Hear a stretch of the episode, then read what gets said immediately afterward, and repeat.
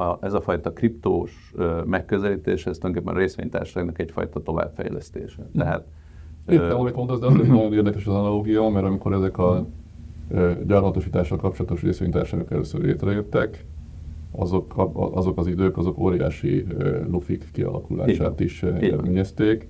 Olyan neves hm. történelmi személyiségek, mint Sir Isaac Newton is megégette magát egyébként a részvénykereskedéssel, és bár egy bizonyos árfolyamelkedésig rengeteget nyert, és mi tett is egy ilyen mondatot, hogy ő a bolygók mozgását is be tudja modernizni, az ember, emberi hülyeséget azt nem tudja. Majd a mondatát követően ő maga is jó nagyot bukott egyébként az árfolyamokon, tehát hogy ez, ez, ez a fajta e, történelmi idő az elképesztő lukban létrejöttél. És, és ezek azóta is rendre megtörténnek. Szerintetek? Igen, tehát hogy az emberi hülyeség az nem változik. Ha valami. ha, ha, ha valami, akkor ez nem változik. állandó. Az, az állandó.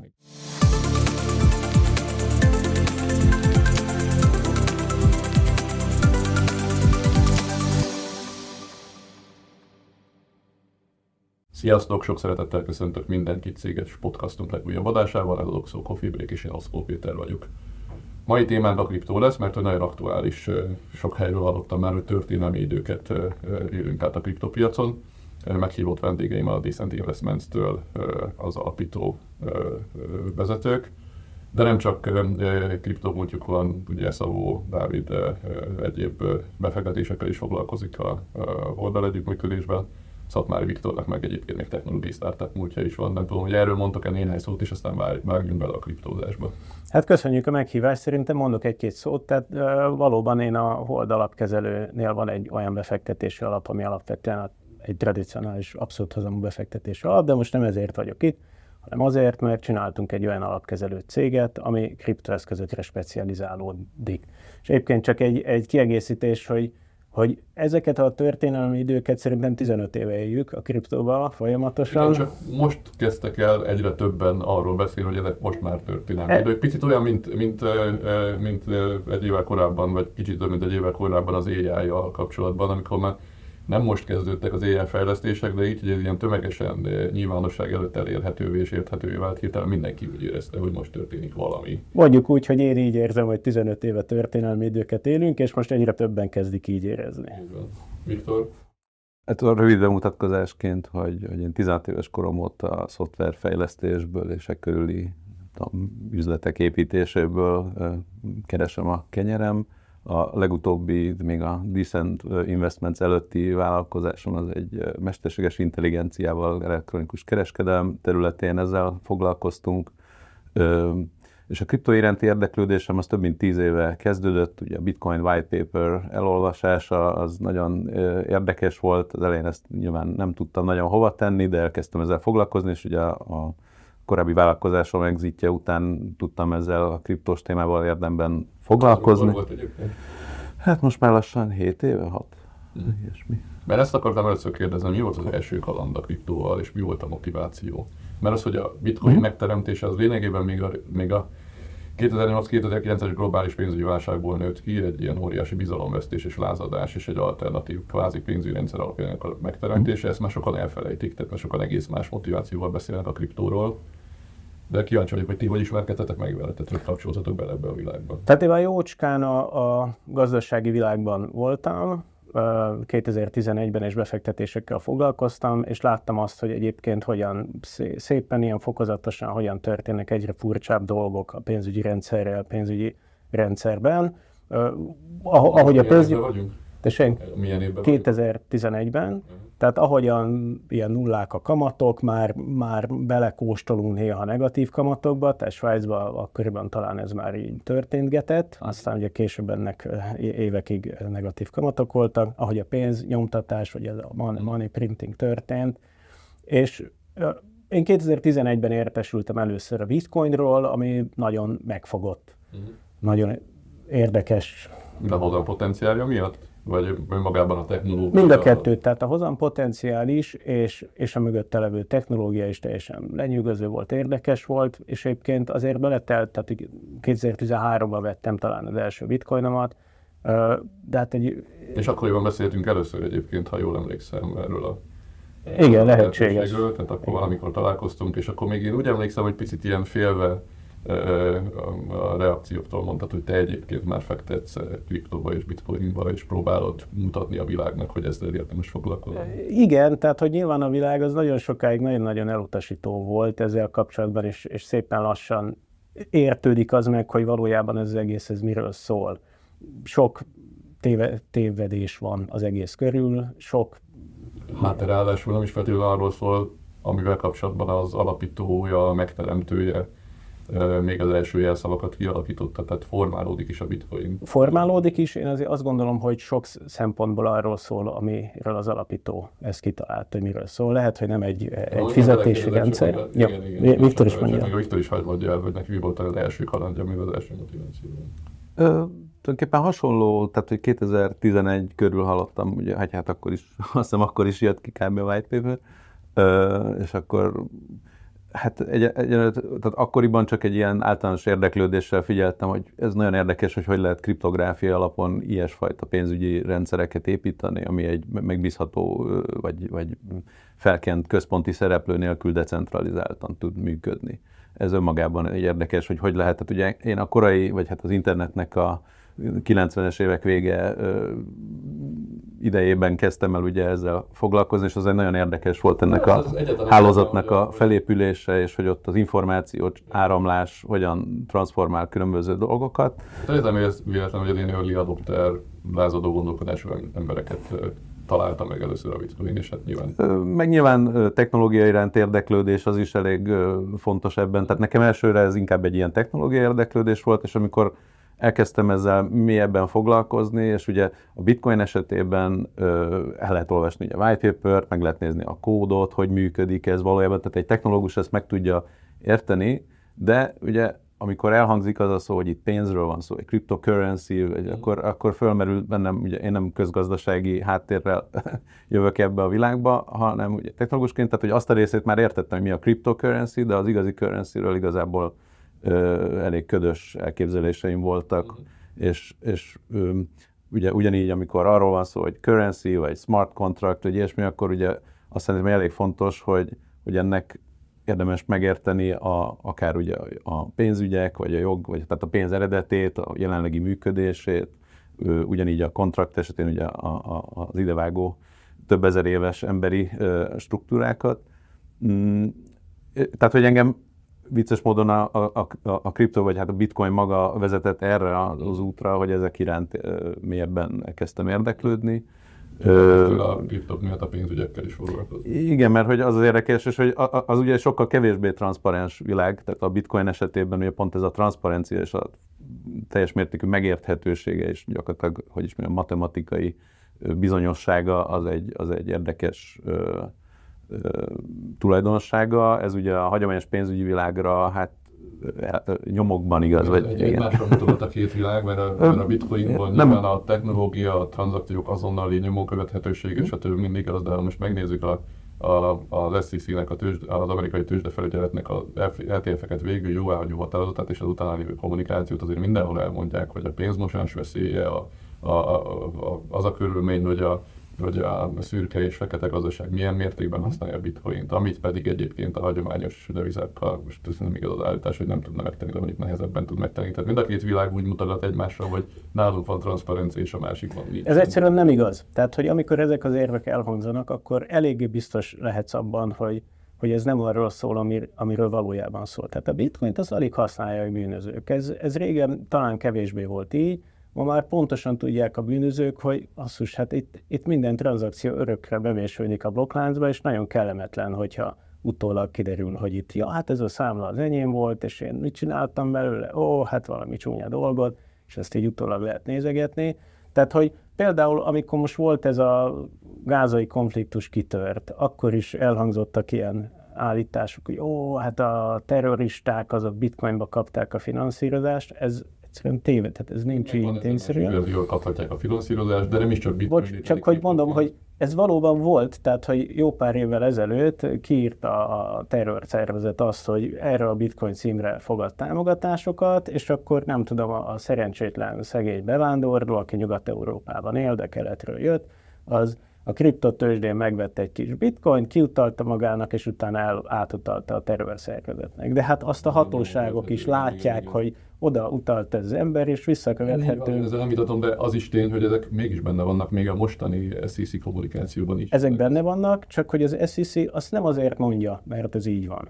Azért mondja, mert van valami fajta más szándék azzal kapcsolatban, hogy szerinte hogyan kéne a világot ö, csinálni. Tehát, hogy ez egy politikailag motivált érv, ez nem a valóság. Az SEC tíz éve nem fogadta el a, a, a, ezt a Bitcoin Spot ETF-et, azért fogadta el, mert te, teljesen... Elvesztett egy pert, igen. Így van, de hogy az SEC a perben oda van írva, hogy eddig is önkényesen utasította ezt el, minden törvény alapot nélkülözve, tehát nem volt más választása. Nagyon-nagyon nem akarta, végül kénytelen volt ezt az egészet elfogadni. Ha már ebbe belementünk, hogy a másik hagyományos pénzügyi világ által megfogalmazott kritika, hogy a szabályozatlanság vezet olyan típusú összeállásokhoz, mint, a, mint az FTX, meg a, meg a egyéb kriptotősdék. A kriptotősdék működése az ugye nagyon sok kockázatot hordoz magában, tehát valójában kérdés, hogy mennyire van a biztonságban Igen, a, hát akkor, pénze. Akkor talán szabályozni kéne, nem? Tehát, hogy ez a üzenet a szabályozók felé. Tehát, hogyha a szabályozóknak az a, az a kritikája, hogy jó, hát ez nincs szabályozva, hát akkor tessék szabályozni. Igen, de akkor itt fogunk visszakanyarodni ezt a, arra a kérdésre, amit egy picit átugrottunk. Például a bitcoin ez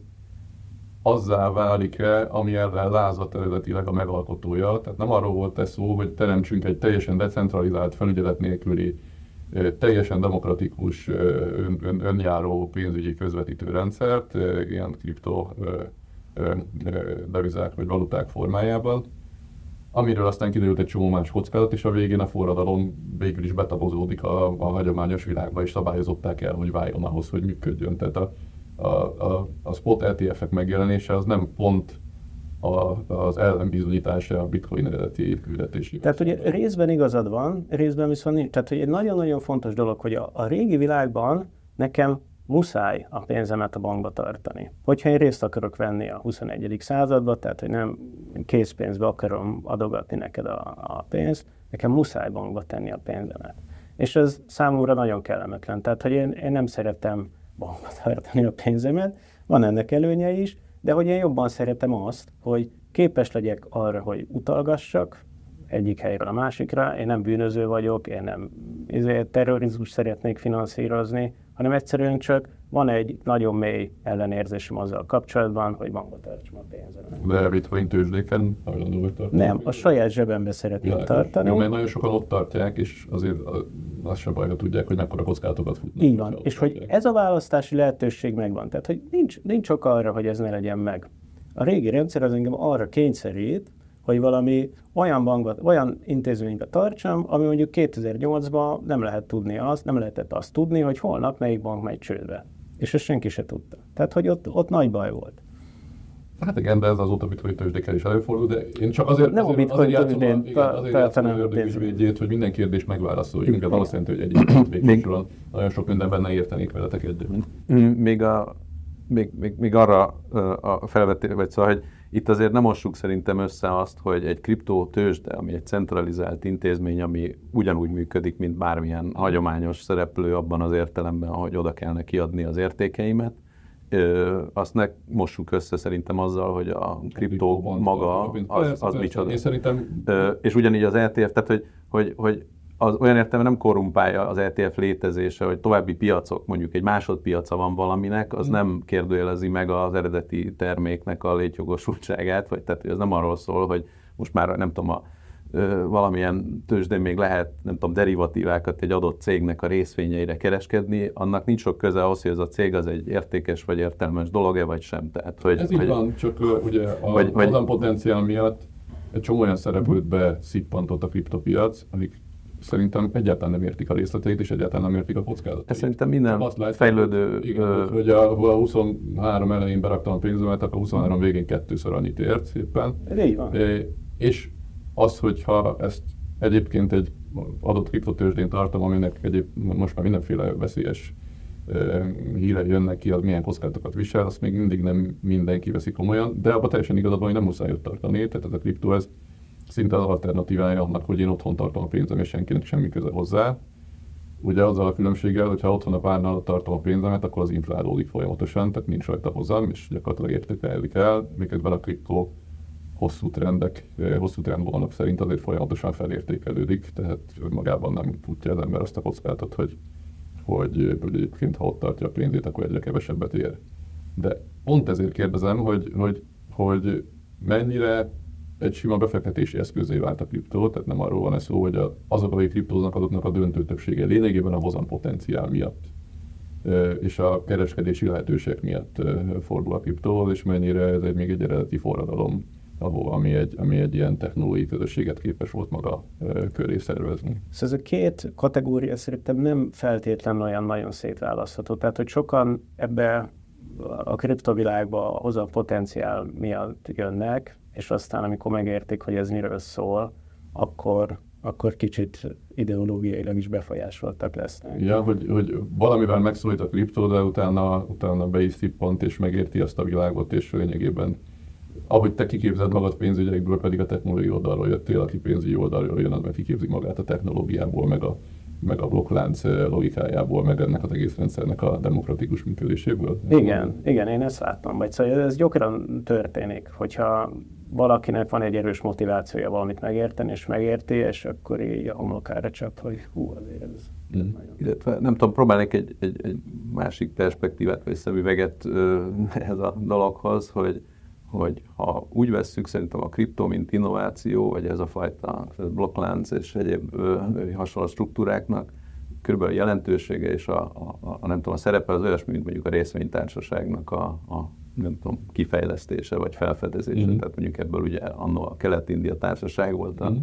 az első ilyen nagyobb példa, nyilván előtte is számtalan hasonló, tehát ez egy iteratív folyamat mm-hmm. volt, hogy ide jutottunk, de ugye azóta látszik, hogy az emberi munkának az ilyesfajta szervezése, tehát az, hogy hogy lehet sok embert kooperatív struktúrákba szervezni, annak a részvénytársaság egy viszonylag jó formája. Nyilván abból is van a teljes kóklerségtől a szuper jó és szabályozott cégekig mindenféle, de hogy, hogy ezt a, ezt a működési modellt, ezt, ezt, ezt elég nagy haszonnal forgatja az emberiség, úgy mondanám. Uh-huh. És a, a, ez a fajta kriptós megközelítés, ez tulajdonképpen a részvénytársaságnak egyfajta továbbfejlesztése. Uh-huh. Tehát Értem, amit mondasz, de azért nagyon érdekes az analogia, mert amikor ezek a gyarmatosítással kapcsolatos részvénytársaságok először létrejöttek, azok, azok az idők, azok óriási lufik kialakulását is eredményezték.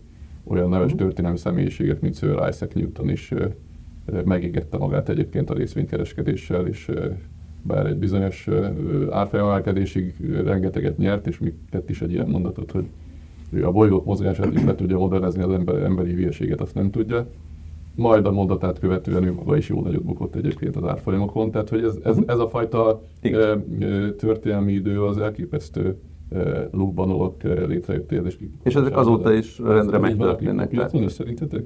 Igen, tehát hogy az emberi hülyeség az nem változik. Ha valami. ha, ha, ha valami, akkor ez nem változik. Állandó.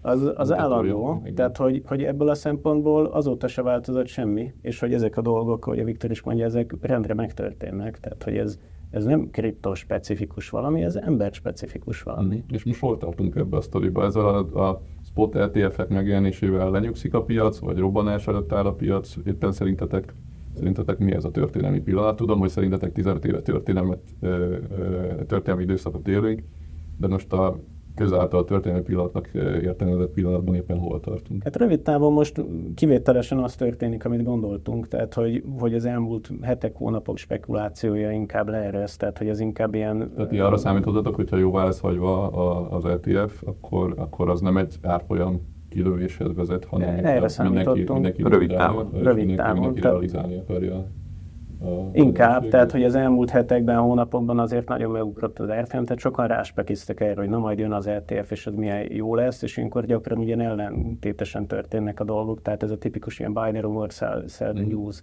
esemény. Mm. Most egyelőre, hát most az elmúlt egy hét áralakulása alapján úgy látjuk, hogy, hogy valóban ez történik. Szerintem közép vagy akár hosszabb távon én inkább pozitív vagyok. Itt lesznek más sztorik, tehát egyrészt köve, közeledik a bitcoinnak ez a feleződése, áprilisban fog megtörténni, hogy a új bitcoinnak keletkezés. Bocsánat, ezt, ezt egy picit elmagyarázatok, mert nem csak kriptos közönségünk van. majd akkor visszafelállodunk az időben az etf akarok még beszélni, de ez a feleződés az akkor ez akkor pontosan mit jelent, és ez miért, miért van ennek árfolyam felhajtó? Tehát az, hogy a bitcoin milyen ütemben keletkezik, az egy előre rögzített uh, függvény szerint keletkezik. Minden egyes kibányászott blokkban keletkezik valahány új bitcoin. És 10 percenként bányászunk ki egy blokkot. Tehát ennek az üteme, ez fix. És ez, ez, ez határozza meg, hogy mennyi bitcoin van összesen. Ez határozza meg, meg hogy... Akkor a teljesen érhető volumen. A kínálatot, igen. A kínálatot így van, aminek nyilván árbefolyásoló Így van. Tehát hány új bitcoin keletkezik, ez határozza meg, és hogy hosszú távon ezekből összesen mennyi keletkezik, ebből, ebből lesz az összkínálat. És ennek a keletkezési ütemnek négy évente ez feleződik és ez most fog áprilisban megtörténni, ezt általában a bitcoinosok nagyon szokták várni, és a múlt tapasztalata legalábbis az, hogy miután ez a feleződés megtörtént, azután szokott elindulni egy ilyen mániás ciklus. Az, hogy ez így lesz, vagy... történni, mint az ETF-eknél, hogy, hogy annyira azt várja mindenki, hogy árfolyam kérdés következik be, hogy már tömegek állnak ott a pénztárnál, hogy ők ezt szeretnék beváltani és, és konkrét hozamot realizálni. Ráadásul az ETF egy csomó az ETF-ek egy csomó olyan befektetőt hoztak a piacra, akik nem feltétlenül úgy gondolkoznak, mint te, hogy majd ők mindig is bitcoinba tartják a pénzüket, hanem a bitcoint azt egy olyan eszköznek tekintik, ahonnan majd át akarják tenni a hagyományos devizából már nyerességgel a pénzüket. Tehát a feleződés nem hozhat el egy ugyanolyan pillanatot, mint az ETF-ek hoztak végül is, hogy a csomag eladni akarna. De hozhat. És a korábbiak is ugye hoztak olyan értelemben, hogy ugye beindul egy mániás ö, fázis a, a piacnak, ami nyilván túlkapások, ennek jön egy korrekciója, és ez, ez ö, ez, ez, ez mindenféle eszközosztályban előfordul, ugye van olyan, amiben ritkábban, de mondjuk a kripto esetében ez viszonylag, viszonylag gyors ciklusokban jelenleg. Uh-huh. Tehát ilyen szempontból nem gondolom ezt egyedinek, csak talán ennek az üteme és a mértéke az, ami, ami mertek több, többeletes a hagyományos. Jóslások bocsánat hozni, amit itt sokan megtesznek, hogy most 100 ezer, 120 ezer, egészen 100, azt hiszem a Bloomberg ment 500 ezer, 500 dolláros bitcoin érték. Hát, itt, itt az is egy jó kérdés, hogy mit feltételezünk például a dollár inflációjáról, mert ha a bitcoin értéke változatlan, akkor is hozzákerülhet simán egy nulla még a következő tíz évben. Akkor ne kérdezek ilyet erre, nem csaptatok le erre a kérdésre. Hát igen. A jövőt nehéz megjósolni. Teljesen felesleges. Tehát, hogy amit itt a, a bitcoin egy, vagy a kripto egyik előnyét elmondtam, vagy amit én nagyon erős előnyének érzek, hogy hú, nem vagyok arra kötelezve, hogy van fajta centralizált szereplőnél tartsam az én vagyonomat, hanem én tudom a saját zsebembe tartani. Amellett ugye a másik uh, ilyen előnye, és az szerintem most aktuális, amit nem úgy, hogy így január nem tudom hanyadikán, hanem ezekben az időkben, ebben az évtizedben inkább úgy mondom, amiben élünk. Tehát, hogy nekem az erős meggyőződésem, hogy az a pénzrendszer, tehát a hitelpénzrendszer, azok fenntarthatatlan alapokra van építve. Uh-huh. Ha megnézzük, hogy mi történt az elmúlt évtizedekben, az történt, hogy az adósságok egyre nagyobbakká váltak, és a rendszer attól maradt fenntartható, hogy közben a kamatok, a hozamok azok folyamatosan jöttek lefele. És most marha mondjuk az adósságok, és egyébként emellett egyszer csak lett infláció, egyszer csak jól meg kellett emelni a kamatokat, és ez a rendszer szép lassan fenntarthatatlanná válik. Vagy nem jön le az infláció, vagy túl nagy reálhozamot kell tartani, és akkor az gazdaságilag okoz nagyon nagy problémákat. És egy ilyen világban, ahol egyébként lényegében néhány ember dönthet a monetáris politika alakításáról, és nagyon laza szabályok szerint alakíthatja a monetáris politikát, határozhat meg kamatokat, határozhat ilyen pénznyomtatási paraméterekről. Itt könnyű beleesni abba a hibába, hogy túl sok pénzt nyomtatunk. És ha túl sok pénzt nyomtatunk... Ezzel egyetértek, és egyébként túl sok pénzt is nyomtattunk, és szerintem nem is feltétlenül baj, hogy korrigálódik ez a pálya, és egy olyan világ jön, ahol azért bizonyos kamatszint ö, ö, tartósan fennmarad, nem a mostani kamatszintet, mert abba belerakkon a világ, tehát egyetértek, ez fenntartható, de a, mondjuk úgy, hogy a az optimista világkép az mégis csak az, hogy ezek nem nullára, hanem egy, hanem egy értelmezhető kamatszintre konvergálnak egy idő után, és, és, és kialakul egy, egy felelősebb pénzgazdálkodás. De ha neked van igazad, de mindig ezt gondoljuk, hogy na, hogy most izé, majd, majd kialakul egy felelősebb, aztán sem nem Nem, nem, a mérőség az mindig korrigált, tehát hogy alapvetően valahogy mindig, valahogy mindig Igen, de ez például lehet a korrekciónak egy módja.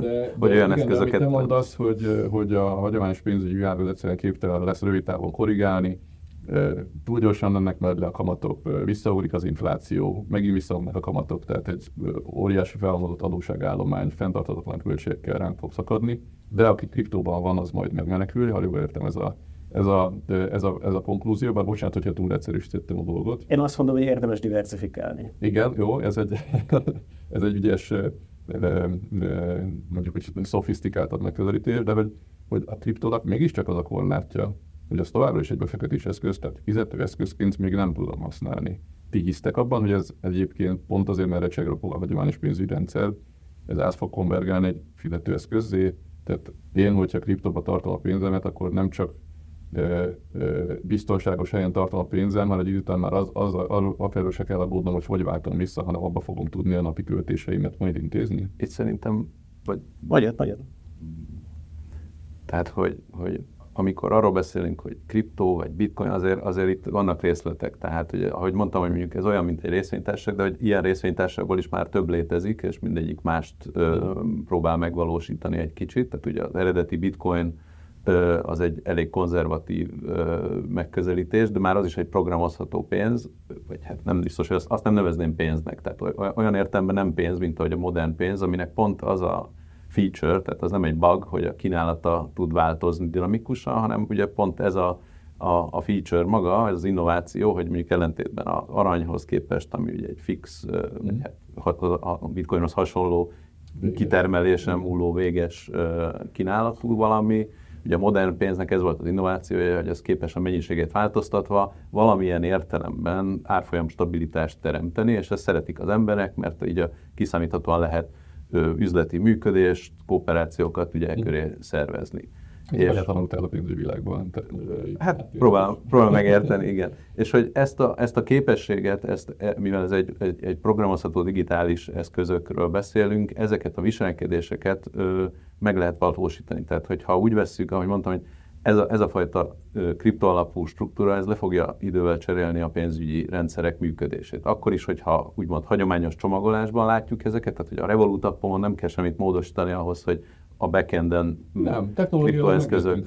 Technológia csomó minden. Igen, csak hogy, hogy ha, ha így vesszük, akkor, akkor a pénz kibocsátás, hát az a legnagyobb backend szolgáltatás jelenleg, és ezt jelenleg csak néhány állam nyújtja a világnak ezt a, hmm. ezt a szolgáltatást, hogy valamiféle érték közvetítő és megőrző eszközöket létrehoz, és ezt szolgáltatja az egész világnak. És szerintem az óriási vívmány, hogy, hogy ezt államoktól független, decentralizált alapokra lehet helyezni, és a bitcoin az nem alkalmas erre pont ennek a rugalmatlanságnak köszönhető, tehát az max inkább egy ilyen reserve jellegű, mint mondjuk az arany ilyen, ilyen szerepben tud funkcionálni, de erre építve, mint ahogy ilyen letéti, tehát különböző eszközökre, sőt eszközök sokaságára lehet építeni olyan eszközöket, amik árfolyam stabilitást céloznak valamilyen értelemben. Tehát mondjuk köthetjük egy kosárhoz, köthetjük az USA dollárhoz, és ugye léteznek ilyenfajta kriptoprojektek is, amik pontosan ezt célozzák. Nyilván ezek gyerekcipőben járnak, tehát ahhoz képest mondjuk a központi bankoknak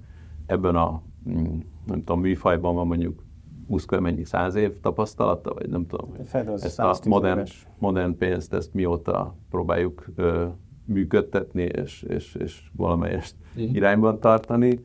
Ö, a kriptó ö, világnak meg ebben elég kevés tapasztalata van még, de szerintem ez egy replikálható szolgáltatás. Igen, csak ez nem technológiai kérdés, nagyon sok minden technológiailag igen végrehajtható, de miután nincs tömeges ismertsége, elfogadottsága, nincs gyakorlat arra, hogy hogy ezt, hogy ezt többek napi szinten használják, és az átlagembernek a innovációt befogadni képes attitűde azért sokkal korlátozottabb. Én szerintem ez inkább társadalmi kérdés, hogy, hogy a kriptó alkalmas lesz, és én érteni vélem a válaszatokat, hogy ez önmagában a, a, a hétköznapi életben vonzó jellegzetességei miatt hozam potenciál befektetési eszköz megismerteti magát annyi emberrel, hogy idő után már készségszinten fogják tudni használni a kriptót, de azért még nem vagyunk itt szerintem. Tehát ez még legalább egy nyitott kérdés. Szerintem előrébb vagyunk, mint ahogy te ezt így gondolod vagy érzed. Tehát az egyik kérdésre az a válasz, hogy kriptóval lehet fizetni. Tehát mindenhol, ahol látod a Visa feliratot, ott lehet kriptóval fizetni, mert vannak olyan hitel, vagy nem hitel, olyan debitkártyák, amik mondjuk Visa vagy Mastercard kibocsátásúak, és amúgy mögött igazából kriptó van. És akkor persze nem az történik, hogy a, a valakinek ilyenje van, akkor a kereskedő majd ezt a kriptót kap, kapja meg, hanem ott a háttérben ez a kriptó átváltódik hagyományos pénzre, és azt kapja de, meg a kereskedő. még a kriptó és fiat árfolyam kockázatát. Tehát olyan még nincsen, hogy a kereskedő azt mondja, hogy a kifele az egyik kriptóba kerül, és hogy nekem ennyi kriptó van, és mindig ugyanannyi kriptó. Igen, de mondjuk, bocsánat, hogy, hogy analógiaként mondhatnám azt is, hogy mondjuk a Revoluton, ahol tárolhatok ö, sokféle fiat pénzben, sőt akár ugye más részvényekben, stb. Tehát a lényeg az, hogy ott is persze futom annak a kockázatát, hogyha mondjuk euróban tárolom pénzem és forintban kell fizetni, akkor ki vagyok téve ennek a két eszköznek az egymáshoz képest való. Nincsenek 70%-os kilengések. Hát azért ad, adódnak, tehát mondjuk a forint maga is elég komoly kilengéseknek volt kitéve ugye az elmúlt években mondjuk a török líránál ez, ez jobban látszik, hogy, hogy hát voltak erre azért, de igen, persze, tehát hogy nyilván két olyan eszköz, ami maga is ugyanazt a kosárhoz képest próbál stabil maradni, és ez a terméknek, mint a forintnak, vagy a, vagy a dollárnak, vagy az eurónak a, a, a célja. Nyilvánvaló, hogy azok egymáshoz képest kevésbé labilisak, de hogyha valakinek az a happy mondjuk, hogyha arra gondolsz, hogy neked van egy tetszeges portfóliód jelenleg is, amit hogyha mondjuk a, a boltban, tehát tulajdonképpen Apple részvényel is fizethetsz olyan értelemben, hogy ha ott van a számládon és azonnal a backenden konvertálódik, akkor persze ki vagy téve az Apple árfolyam kockázatának, de ez nem biztos, hogy téged zavar, hogyha amúgy ilyen részvényt Igen, szerintem értjük egymást. Tehát, uh, hogy... És, és bocsánat, csak hogy, hogy szerintem ez a lényeg, hogy azt, azt látni kell, hogy a Visa sem pénz, tehát az egy fizetési hálózat, Persze. nem ők De készítik a, a, a terméket. És az, hogy mi a mögöttes termék, vagy hányféle ilyen termékre van szükség, az egy, az egy hogy is mondjam, tehát a bolti fizetésre kiváló megoldás. A Apple Pay, a Visa, a Mastercard, stb. hálózatok, az, az a azok nem pénzek. Igen. Itt az a kérdés, hogy a, abba a devizában, amiben én tartom a pénzemet, elérhetem azokat a napi fogyasztási eszközöket, amiket vásárolok, és akkor tudom elérni, hogyha a kereskedő is abban a devizában határozza meg az árakat, mert ő is abban a pénzben akar keresni, és majd azt akarja tovább költeni. És én erre mondom, hogy itt még nem tart a kriptó. Oké, okay, de erre mondom, a már nem tudtam, hogy neked most a kérdésed az mire vezetkezik. Mi fáj, hogy, hogy kriptóval... Kíváncsi vagyok, hogy mit gondoltok. A kérdésed mögött mit szeretnél, mire szeretnél választ? Arra, hogy van kriptóm, és azzal én tudok-e fizetni, arra arra az a válasz, hogy tudok, itt a vizekártya, mögötte kriptó van, és azzal fizetek. Okay? A másik pedig, hogy ez mennyire elterjedt vagy nem, nem ott kell nézni, ahol viszonylag stabil a pénzügyi rendszer, ahol viszonylag stabil pénzek vannak, ott és, és sok évtized és évszázad alatt kialakult az, hogy hogyan kell fizetni, hát ott persze miért váltanánk az egészet le. A kriptó azokban az országokban elterjedt igazán, ahol ez nincsen. Tehát, hogy mondjuk Vietnámban, Argentinában, ezekben az országokban, ott annak ellenére, hogy nem megy a tévéből reklám, meg nincsen kifaszázva a, a, a, az ilyen user interface és a felhasználói felület, hogy az egészet egyszerű legyen használni, ennek ellenére ezt használják, egymásnak tanítgatják meg, az egész ilyen nehézkes, bonyolult sok szempontból, éppen azért, mert hiányzik az a pénzügyileg motivált központi szereplő, aki ebből az egészből bizniszt akar csinálni, mégiscsak ezt használják, és egyébként olyan országokban használják, ahol a bank, azoknak az aránya, akiknek bankszámlája van, az nagyon-nagyon alacsony. Mm. Van két milliárd ember felnőtt a Földön, akinek nincs bankszámlája, ők használják. Világos.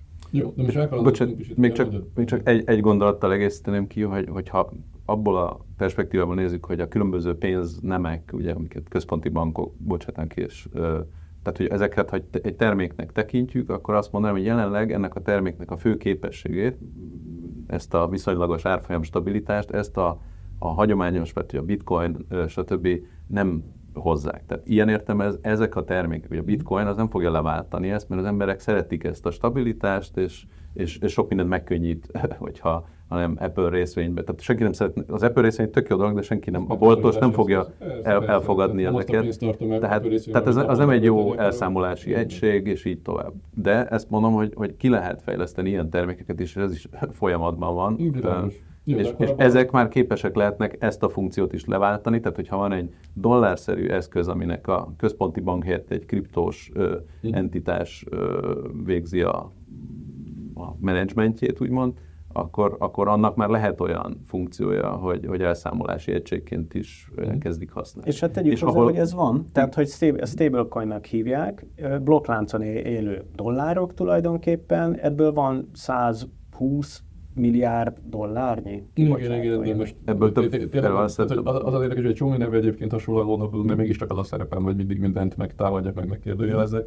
Volt olyan stablecoin, amiről aztán kiderült, hogy nem stablecoin volt, tehát hogy ilyen azért volt történt, a, történt a piacon tehát ezekkel a stablecoinokkal is, hogy meg lehet kérdőjelezni, hogy minek milyen az algoritmus, és mi az, ami valóban stable, és mi az, ami a végén. És ugyanez a kérdőjel... Own research, erre mondja a kriptós. Igen, és, és hát észszerű, hogyha van egy olyan termék, mint mondjuk az USA dollár, ami mondjuk száz éve ezen a működési elven viszonylag jól működik, és látszik, hogy az egész világ így el tudja, vagy nem az egész, ugye vannak kérdőjelek, de hogy, hogy, hogy ez, egy, ez egy jó termék, amit mm. már régóta használnak, tehát nyilván, hogyha az ember választott egy két éve három fickó fejleszt valami új ilyen terméket, vagy van egy pénz, ami száz éve ö, ezt a képességet így bizonyítja, nyilvánvaló, hogy akkor a száz éves pénz az, azért az egy jó Ahhoz választás. is sokan választják a kriptót, és most ez az ETF. Igen. A kérdés szerintem az, hogy ez lehetséges. Egy, egy, egyre többen. De ha jól értem, akkor abban azért nagyjából konszenzusos állásponton vagyunk, hogy ez még azért nem a napi fizetőeszköz, hanem inkább elsősorban most még egy befektetési eszköz ti is ekként kezelitek, mert valójában kriptobefektetők vagytok, ha jól értem.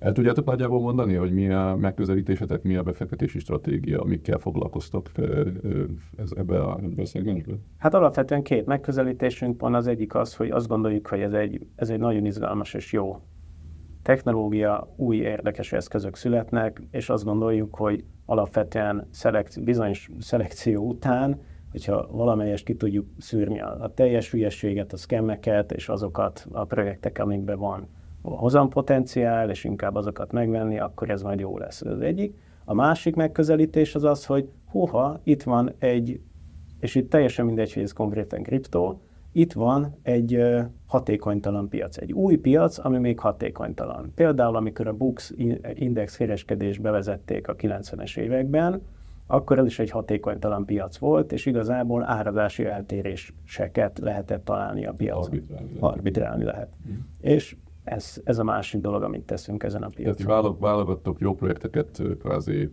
long típusú stratégiai tartalomra megcsináltak arbitráns ügyleteket ahol igazából hatékonytalanságot has...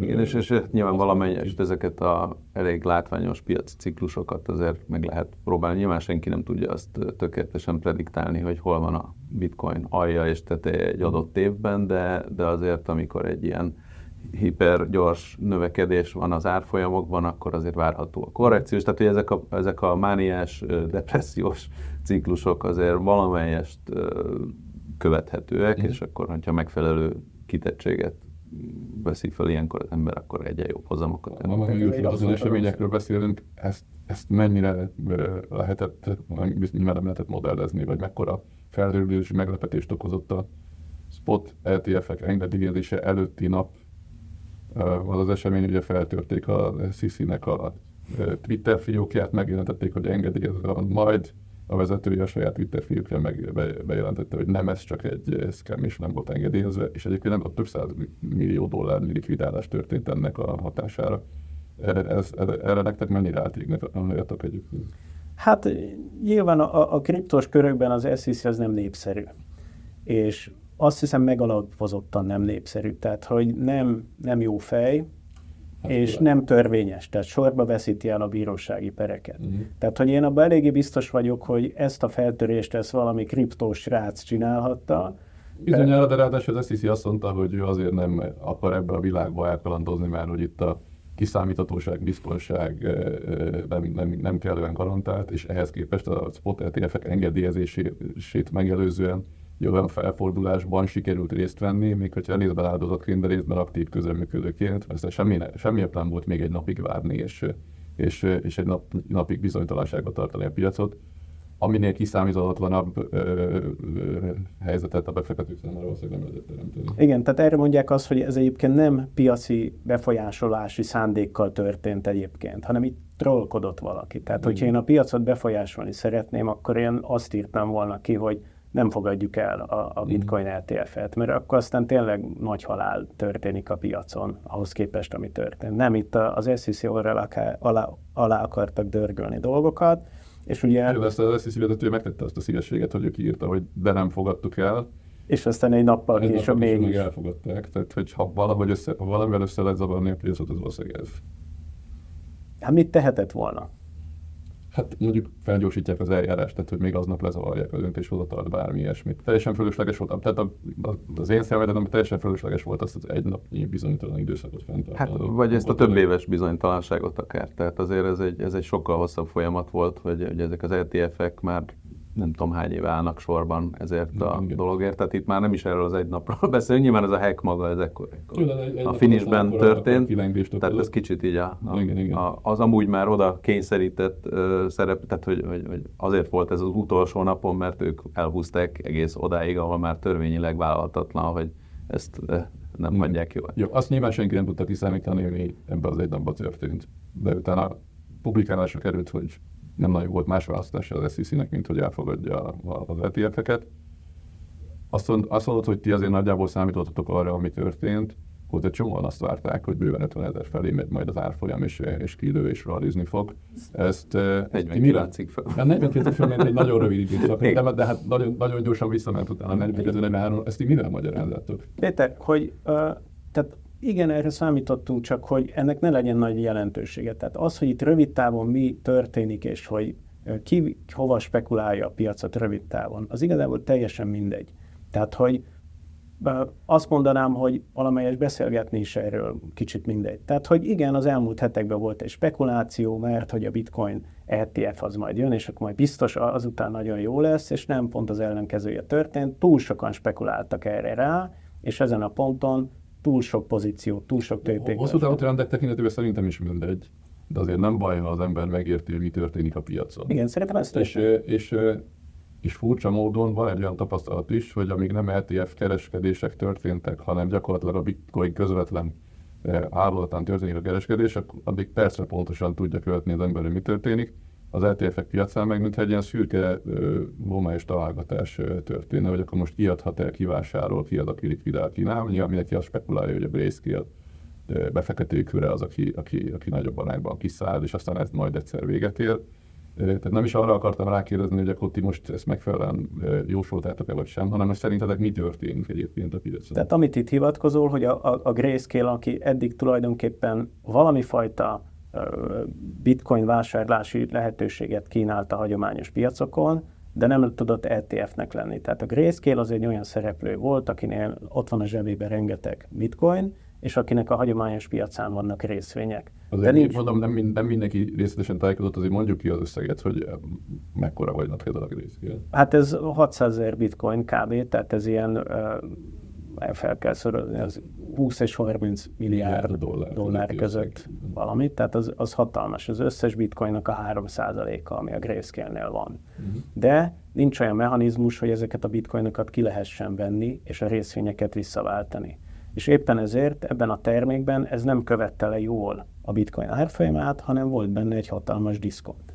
És a Grayscale az egyik olyan szereplő, aki évek óta rágja az SEC-nek a filét, vagy rágta, hogy hát ezt szeretné LTF-é átminősíteni az És tehát annyi kreditük mindenképpen van, hogy ők vitték még azt a perc. Így van, Aztán, tehát ők- aztán az a következmény, hogy muszáj volt engedélyezni az Így van, szerintem az sem mindegy, hogy a BlackRock egy ilyen nagy konzervatív, hagyományos pénzügyi ETF szolgáltató is beállt a sorba azzal, hogy beadta a, a kérelmét a, a Bitcoin ETF-re, tehát ez sem mindegy egyáltalán, de valóban a Grayscale volt, aki ezt végigvitte.